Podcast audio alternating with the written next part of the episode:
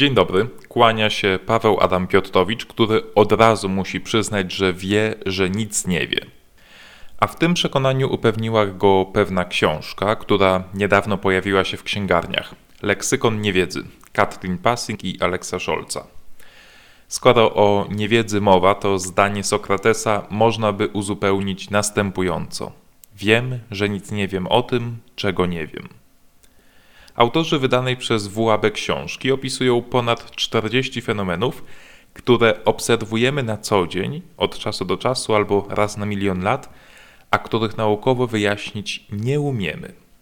I nie jest tu mowa tylko o piorunie kolistym czy królu szczurów, a więc tematach dość powszechnie uważanych za tajemnicze, ale też o zmieniającym się jesienią kolorze liści, mruczeniu kotów czy o pieniądzu. Zapewne większość z nas nie widziałaby niczego tajemniczego w wymienionych przeze mnie zjawiskach, a jednak nie wiemy, po co drzewom chce się dokonywać wysiłku czerwienienia czy brązowienia liści. Nie umiemy też zlokalizować na ciele kota miejsca, z którego wydobywa się mruczenie. Nie, nie jest to krtań, byli już tacy, którzy niewinnym kotkom wycinali co nieco w okolicach gardła, a one ciągle mruczały, że też im się chciało. Z pieniądzem historia jest jeszcze bardziej dramatyczna. Autorzy próbują dociec, jakie konsekwencje miałoby sprawdzenie, czy pieniądz ma jakikolwiek realny ekwiwalent i czy do będącej w obiegu gotówki należy dodawać odsetki od lokat, inwestycji i kredytów. Tutaj nasza niewiedza w ostatnich kilkunastu miesiącach drastycznie się skurczyła. Nie wiem, czy nie obróciło się to przeciw nam. Wiemy w końcu, jakie miałoby to konsekwencje globalny kryzys finansowy.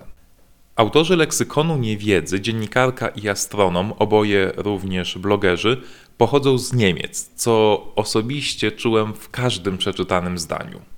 Niemcy to kraj, gdzie Aufklärung der Gesellschaft, oświecanie społeczeństwa, nie jest martwym pojęciem z podręczników do historii, ale imperatywem, który popycha do działania wykształcone warstwy.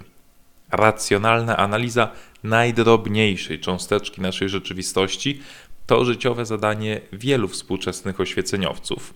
Dlatego wszystko, dosłownie wszystko, musi zostać zmierzone, opisane, udokumentowane, zaprotokołowane. Takie podejście odbiera niestety światu sporo uroku, ale jednocześnie, co bardzo wskazane, zachęca do korzystania z rozumu.